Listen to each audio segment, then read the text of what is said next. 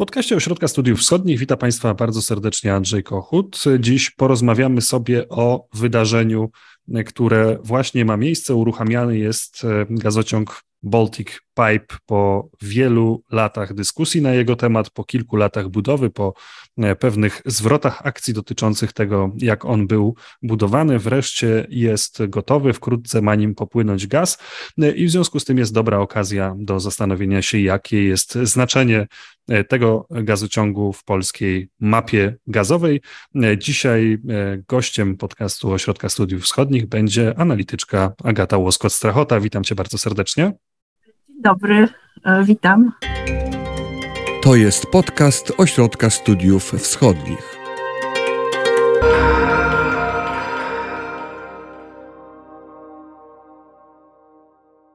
Za nami długa historia budowy e, gazociągu Baltic Pipe, bo chyba pierwsze głosy dotyczące tego, że on się powinien pojawić, to są jeszcze lata 90. Tak jest. O połączeniu z Norwegią i o zapewnieniu Polsce po pierwsze dostępu bezpośredniego do alternatywnego źródła gazu niż gaz rosyjski, a po drugie właśnie o, o bezpośrednim połączeniu infrastrukturalnym, gazociągowym z Norwegią, no mówiło się w Polsce właśnie tak jak mówisz, od lat 90., czyli tak naprawdę od początku E, budowy polskiego rynku gazu nowego w, w, nowej rzeczywistości e, politycznej i systemowej. Natomiast ten obecny projekt zaczął być realizowany dopiero kilka lat temu. E, wydaje mi się, że to był rok 2016, kiedy, kiedy ten projekt powrócił, powstało studium wykonalności, a potem rok później badanie zainteresowania rynku, które jest teraz niezbędne według unijnych norm, potwierdziło właśnie zapotrzebowanie na tego typu inwestycje i ona ruszyła. Ona e, ruszyła, jeżeli chodzi o budowę, natomiast ona ruszy, jeżeli chodzi o przesył gazu 1 października. Tak jest. Może warto powiedzieć, że, że ten gazociąg to jest, e, to jest wspólna, wspólny projekt, wspólna inwestycja polsko-duńska. Zaangażowany e, jest w nią też e, norweski operator Gasco. I, I dzisiaj mamy oficjalne, uroczyste mm, otwarcie tego gazociągu. Uczestniczą w nim wysocy rangą goście, bo w Szczecinie prezydent Polski, premier Polski, spotkali się z nimi premierzy Danii i Norwegii. Natomiast tak jak powiedziałeś, faktyczny przepływ gazu ma się rozpocząć formalnie 1 października. Wiemy też, że na początku E, będzie to taka rozgrzewka. Duńczycy e, informowali, że w pierwszym tygodniu jeszcze nie popłynie szlakiem gaz z, z Norwegii. E, natomiast pełna przepustowość gazociągu zostanie osiągnięta szybciej niż się spodziewaliśmy jeszcze niedawno, jeszcze parę tygodni temu, to znaczy nie na początku 2023 roku, ale, ale już od początku grudnia tego roku. To znaczy, że jeszcze w e, czwartym kwartale e, tego roku Polska może e, dostać przez Baltic Pipe nawet do troszeczkę mniej niż półtora miliarda metrów sześciennych gazu. To jest dwukrotnie więcej niż się spodziewaliśmy jeszcze parę tygodni temu, więc jest to dosyć ważne. Rozumiem, ale to jednak wciąż e, daleko od maksymalnej przepustowości e, tego gazociągu, która, popraw mnie, jeżeli się mylę, wynosi 10 miliardów metrów sześciennych gazu. Tak, e, Baltic Pipe ma 10 miliardów sześciennych przepustowości. Te 10 miliardów sześciennych oczywiście może być przesłane w skali roku, więc o grudniu dostaniemy część tego tylko, a od przyszłego roku no już ruszy pełną parą i takie, e, e, takie ilości gazu mogą e, formalnie być nim przesłane. Faktycznie będzie przesłane to, co jest zakontraktowane, bądź to, co polskie firmy wydobywają same na szelfie norweskim. Według dzisiejszej informacji PGNiG będzie do, to co najmniej 6,5 miliarda metrów sześciennych, ponieważ PGNiG, tak jak wiemy, ma jakąś tam swoją produkcję na szelfie, tym roku ma mm, wydobyć około 3 miliardów metrów sześciennych, w przyszłym będzie to prawdopodobnie trochę mniej, ale w ciągu kilku lat ma dojść do 4 miliardów. PGNiG również przesyłać będzie Baltic Pipe gaz wydobywany przez Lotos na szelfie norweskim. Wreszcie będą są podpisane i będą podpisywane kontrakty. Od kilku lat mamy już podpisany kontrakt z duńską firmą Orsted, E, na dostawy w ciągu kilku lat w sumie ponad 6 miliardów, więc to wychodzi około miliarda metrów sześciennych e, gazu rocznie. Wiemy, że te e, dostawy mają się rozpocząć jakoś w trakcie przyszłego roku, nie na samym początku, gdyż opóźnia się powtórne uruchomienie po modernizacji takiego dużego duńskiego złoża Tyra.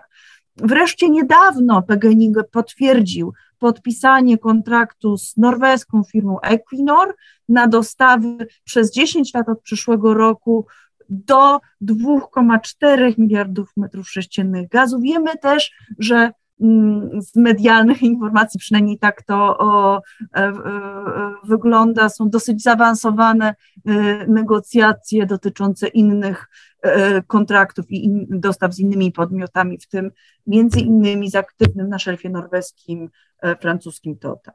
Jeżeli już wspomniałaś o medialnych doniesieniach, to w nich ostatnio często pojawiały się dwie informacje dotyczące pewnych ograniczeń przesyłu gazociągiem Baltic Pipe. Po pierwsze, dotyczące regulacji unijnych, które w pewnym sensie nie pozwalają nam wykorzystywać maksymalnej przepustowości tego gazociągu, to prawda? To znaczy, od początku było wiadomo, że w ramach tak zwanych produktów długoterminowych, to znaczy w skali długoletniej, można zarezerwować nie całą przepustowość Baltic nie 10 miliardów metrów sześciennych, ale 80% tej przepustowości, czyli 8 miliardów metrów sześciennych i to właśnie PGNiG e, za, zarezerwowało. Natomiast 20% przepustowości, mniej więcej, powinno być przeznaczone na takie krótkoterminowe rezerwacje. To oczywiście nie oznacza, że my nie możemy tego wykorzystywać obecnie, natomiast to znaczy, że, że to będzie dostępne dla wszystkich zainteresowanych e, w takim trybie bieżącym. Nie ja można tego zakontraktować długoterminowo po prostu. Można tak, z wyprzedzeniem tak, e, e, tego zakontraktować. No i ja rozumiem, że to będzie w ten sposób wykorzystywane. Jeżeli będzie zapotrzebowanie, to, to wydaje się, że, że, że dlaczego, dlaczego nie miałoby to by czy wykorzystywane. Oczywiście może to być wykorzystywane również przez inne podmioty niż, niż polskie PGNiG.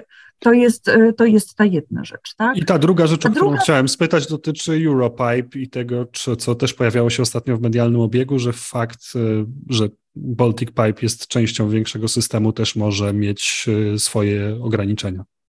No więc wydaje się, że, że, że nie jest, takie ryzyko nie jest duże. E, mamy zarezerwowane przepustowości odpowiadające e, e, temu właśnie, co nam potrzebne jest w punkcie wejścia do Baltic Pipe i w punkcie połączenia z tak, zwane, w tak zwanej wpince do Europipe 2. Wyjaśnijmy może, czym jest Europipe 2 krótko, żeby była jasność, o czym rozmawiamy. 2 jest jednym z wielu gazociągów eksportowych norweskich. Europipe 2 łączy złoża norweskie z, z, z, siecią niemiecką. A, a Baltic Pipe jest tak zwaną odnogą, on się wpina, dołącza te, e, e, do tego gazociągu w pewnym momencie i właśnie w tym momencie włączenia PGNiG zarezerwował przepustowości. Pojawiły się informacje, że ponieważ jest duży popyt na gaz e, ze strony Niemiec, to tej przepustowości w Europipe nie starczy. Dzisiaj bodajże Rzeczpospolita opublikowała artykuł z wypowiedziami norweskiego operatora, który potwierdza, że mm, uruchomienie takiej odnogi zwiększa przepustowości całego gazociągu i że z, z przepustowościami dla polskiej e, gałęzi nie powinno być e, problemów. Oczywiście nie możemy wykluczyć, że w sytuacji olbrzymiego zapotrzebowania i rezerwacji znacznie przekraczających E, możliwości gazociągu dojdzie do jakiegoś tak zwanego overbooking, czyli nadwyżkowego zarezerwowania, ale wówczas są bardzo ścisłe reguły e, e, norweskiego operatora dotyczące ewentualnej redukcji tych zarezerwowanych, dostępnych mocy dla poszczególnych firm i będzie to na pewno proporcjonalne dla różnych odbiorców i zależne też od produkcji tych, tych konkretnych firm na norweskim szelfie, a przypomnę, że PGNiG jest obecnie chyba dziesiątym co do wielkości producentem właśnie aktywnym w Norwegii. Porozmawialiśmy trochę o tym, jak wygląda sytuacja bieżąca, ile tego gazu może popłynąć w ciągu najbliższego, przyszłego e, roku de facto. Natomiast chciałbym Cię zapytać o nieco szerszą perspektywę, to znaczy, jak, e, jaka jest rola e, Baltic Pipe w polskim systemie gazownictwa, jak ta ilość gazu, która przepływa Baltic Pipe, wpływa na nasze, nasze bezpieczeństwo gazowe, coś o czym często rozmawiamy, zwłaszcza od czasu inwazji Rosji na Ukrainę. Baltic Pipe ewidentnie był pomyślany jako e, infrastruktura umożliwiająca całkowite zastąpienie importu gazu z Rosji, ponieważ przepustowość tego gazociągu praktycznie w pełni odpowiada temu, co Polska miała zakontraktowane w ramach długoterminowego e, kontraktu e, PGNiG Gazprom który został de facto zerwany wiosną tego roku, a miał wygasnąć pod koniec tego roku. Więc to był taki główny cel umożliwienie zastąpienia importu z Rosji i, i dominacji rosyjskiego gazu w polskim miksie gazem skąd inąd. I teraz jedna rzecz, która tutaj chyba nie wybrzmiała, która jest chyba strasznie ważna, to, to, to, była, to jest duża inwestycja, to jest duży projekt. W przypadku tak dużych projektów inwestycyjnych normą są opóźnienia, bo jak wiemy, rzeczywistość y, jest skomplikowana, a świat jest niedoskonały i często różni dostawcy, poddostawcy nie nadążają. Szczególnie takie e, przypadki są częste w sytuacji tak burzliwych zmian, jakie widzimy ostatnio na rynku gazu. E, I to ja uważam naprawdę za, za, za olbrzymi sukces, że taka inwestycja w takich warunkach e, została doprowadzona do końca o czasie. Znaczy dokładnie wtedy, kiedy e, tego potrzebowaliśmy. To jest duży sukces Polski, to należy powiedzieć. To jest też przejaw bardzo dobrej współpracy z, z Danią i z Norwegią, bo bez ich współpracy e, te czasowe ukończenie Baltic Pipe by się również nie udało. Także, także to jest ważne, prawda? I tak jak mówiłam, to jest szczególnie ważne w kontekście wojny, ponieważ my przestaliśmy dostawać w ogóle gaz rosyjski w związku z odmową polską, by płacić za gaz według schematu rublowego. Wiemy, że tego gazu rosyjskiego jest rekordowo mało na rynku europejskim. W związku z tym e, taki szlak jest, jest bardzo ważny. Tak? I, i, i wiemy dzisiaj już, że całokształt e, krajobrazu gazowego Europy zmienia się. Rosja, która była najważniejszym dostawcą, obecnie dostarcza mniej niż 20% wielkości, które zwykle dostarczała, a największym źródłem gazu do Europy stała się Norwegia właśnie.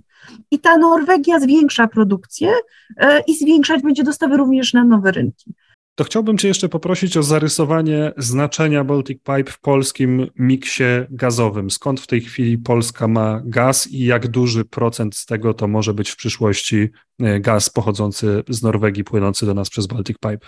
Więc e, gazociąg y, bałtycki, Baltic Pipe, jest elementem rzeczywiście dywersyfikującego się y, koszyka dostaw gazu do, do, do Polski. Polska konsumowała w zeszłym roku około 20 miliardów metrów sześciennych gazu. Teraz te zużycie spada w związku z kryzysem, bardzo wysokimi cenami, no ale, y, ale powiedzmy, że to jest jakiś punkt referencyjny. Około 4 miliardów metrów sześciennych gazu produkujemy w kraju. E, ponad 3 miliardy metrów sześciennych mamy zgromadzonych w magazynach, e, a reszta jest importowana. Czyli około teraz... 13 miliardów, jeżeli liczę dobrze, tak? Bo o 7 powiedziałaś, które mamy w źródłach krajowych, ale ponad 50% musi skądś do Polski przybyć. Plus musimy oczywiście importować to, co e, e, ten gaz, który jest potrzebny do zapełnienia powtórnego magazynów. Także ten bilans, e, powiedziałabym, że musimy około 16 powiedzmy miliardów, może jeśli popyt nam spadnie, troszkę mniej importować w skali roku. I teraz, aby to umożliwić, mamy szereg połączeń. Po pierwsze, właśnie ruszył Baltic Pipe i on umożliwia import do 10 miliardów metrów sześciennych. Wszystko zależy od kontraktów, wydobycia i dostępności gazu. Natomiast widzimy, że e, pewne wielkości, nawet więcej niż połowa tego jest, jest już zapewniona. Po drugie, mamy terminal LNG, który jest rozbudowywany. Obecnie wydaje się, że w skali roku można sprowadzić przez Świnoujście nawet 7 miliardów metrów sześciennych LNG i widzimy, że to za wykorzystywanie maksymalnie praktycznie przepustowości tego terminala ma miejsce. E, w lipcu i sierpniu był on do, do cna wykorzystany. Miejmy nadzieję, że cały czas tak będzie bo tak jak mówię, sytuacja na rynkach światowych jest namiętna, dynamiczna i, e, i nie najprostsza. No i wreszcie mamy szereg połączeń międzysystemowych z sąsiadami i z rynkiem europejskim. Mm, mamy połączenie z rynkiem niemieckim i to z giełd niemieckich kupowaliśmy w ostatnim czasie całkiem dużo gazu. Natomiast E, tutaj jest pewna niepewność, znaczy co będzie z dostępnością gazu w Europie w związku z nadchodzącą zimą, w związku z coraz, że tak powiem, bardziej agresywnymi także w sferze gazu e, działaniami rosyjskimi i w związku z generalnie rosnącym popytem na świecie. Mamy połączenia z Czechami i ze Słowakami, to jest nowa rzecz, e, skąd również teoretycznie możemy pewne ilości gazu kupować. Wreszcie mamy również nowe połączenie z Litwą i przez Litwę E, pewne ilości gazu również e, staramy się do Polski ściągać, e, przede wszystkim z terminalu LNG w Kłajpedzie. Tu oczywiście dostępność tego gazu u naszych europejskich sąsiadów zależy bardzo od sytuacji na rynku, tak jak mówiłam, i dostępności surowca dla nich samych, wreszcie jego cen. Bardzo Ci dziękuję za tą rozmowę. Analityczka Ośrodku Studiów Wschodnich Agata Łosko-Strachota była dzisiaj gościem podcastu. Dziękuję bardzo. Państwu również bardzo dziękuję za uwagę. Zachęcam oczywiście do śledzenia innych podcastów, filmów na YouTubie, analiz, które pojawiają się na stronie Ośrodka Studiów Wschodnich. Ja nazywam się Andrzej Kochut i bardzo dziękuję za uwagę. Do usłyszenia. Wysłuchali Państwo podcastu Ośrodka Studiów Wschodnich. Więcej nagrań można znaleźć na stronie www.osw.waw.pl.